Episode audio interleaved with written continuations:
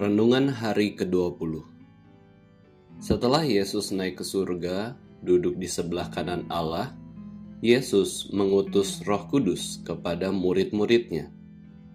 Ketika Yesus meninggalkan para muridnya di bumi untuk kembali pada Bapa di surga, Yesus katakan bahwa dia tidak akan meninggalkan para muridnya sebagai yatim piatu. Tetapi Yesus akan utus penolong yang lain bagi para murid, yaitu Roh Kudus.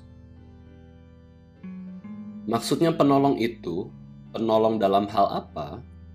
Roh Kudus menolong para murid mengenal Allah yang sejati, mengenal Yesus Kristus, dan juga menolong para murid-murid untuk bisa taat kepada firman Tuhan. Yesus sudah tidak di bumi lagi, tetapi Yesus terus menyertai kita. Yesus mengutus Roh Kudus untuk berdiam dalam diri kita, supaya kita terus berpegang pada firman-Nya. Bapak, ibu, saudara sekalian yang terkasih dalam Tuhan, siapakah Roh Kudus itu? Roh Kudus adalah Allah sejati dan sama kekalnya dengan Bapa maupun Anak.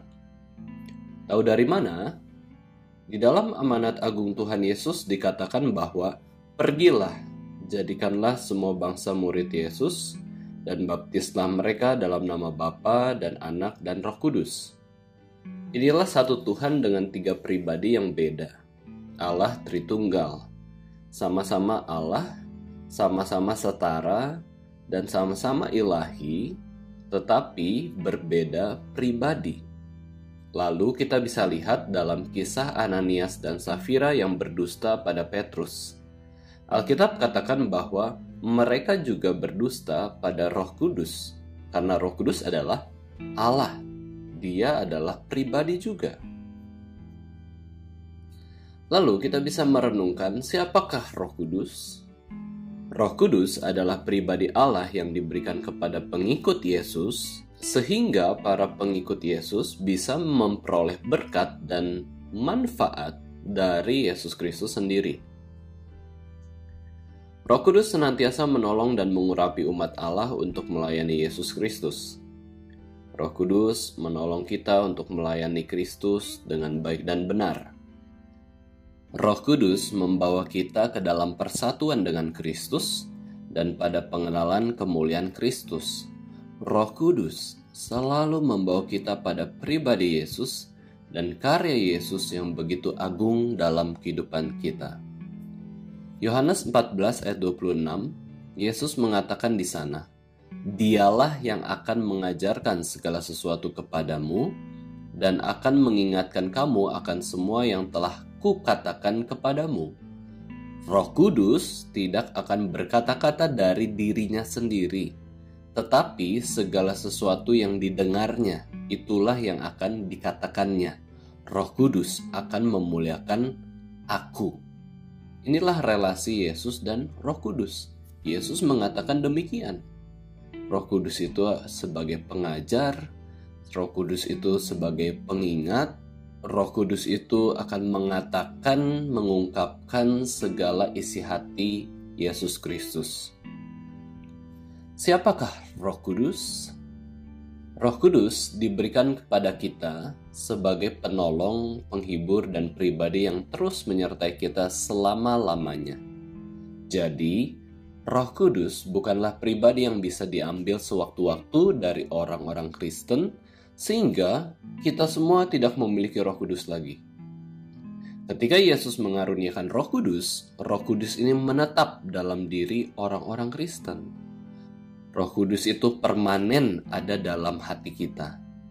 Roh Kudus tidak dicurahkan berkali-kali kepada orang-orang Kristen, tetapi Roh Kudus dicurahkan satu kali di hari Pentakosta dan juga Roh Kudus satu kali saja datang berdiam di dalam tubuh Kristus, yaitu gereja Tuhan. Kita bisa menjadi milik Kristus selamanya karena Roh Kudus yang telah diberikan kepada kita semua. Inilah karunia yang terbesar, yaitu Roh Kudus kita boleh terima. Bila seseorang belum menerima Roh Kudus, maka orang tersebut tidak menjadi milik Kristus dan tidak akan percaya pada Kristus. Inilah pribadi Allah yang ketiga, yaitu Roh Kudus. Dia adalah Roh yang kudus. Dia akan menguduskan hidup kita untuk semakin dekat dengan Yesus dan juga serupa dengan Yesus Kristus. Roh Kudus akan terus bicara, terus memimpin hidup kita untuk memiliki kehidupan seperti Yesus Kristus. Bapak, ibu, saudara yang terkasih, janganlah khawatir akan hari depan. Jangan merasa sendirian. Janganlah takut menjalani hari-hari di depan yang memang secara manusia itu penuh dengan ketidakpastian, penuh dengan bahaya dan malapetaka. Kenapa kita tidak khawatir? Karena dalam diri kita sebagai orang yang percaya kepada Yesus, sudah ada Roh Kudus berdiam. Roh Kudus yang berkuasa, Dia mendampingi kita, Dia membimbing kita, Dia juga menolong supaya hidup kita itu bijaksana dan berkenan pada Tuhan. Kiranya kita sungguh-sungguh menyadari penyertaan dan pertolongan dari Roh Kudus.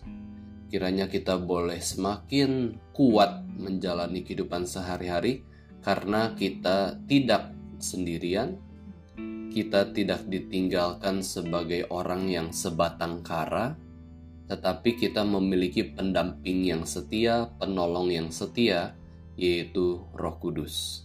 Amin.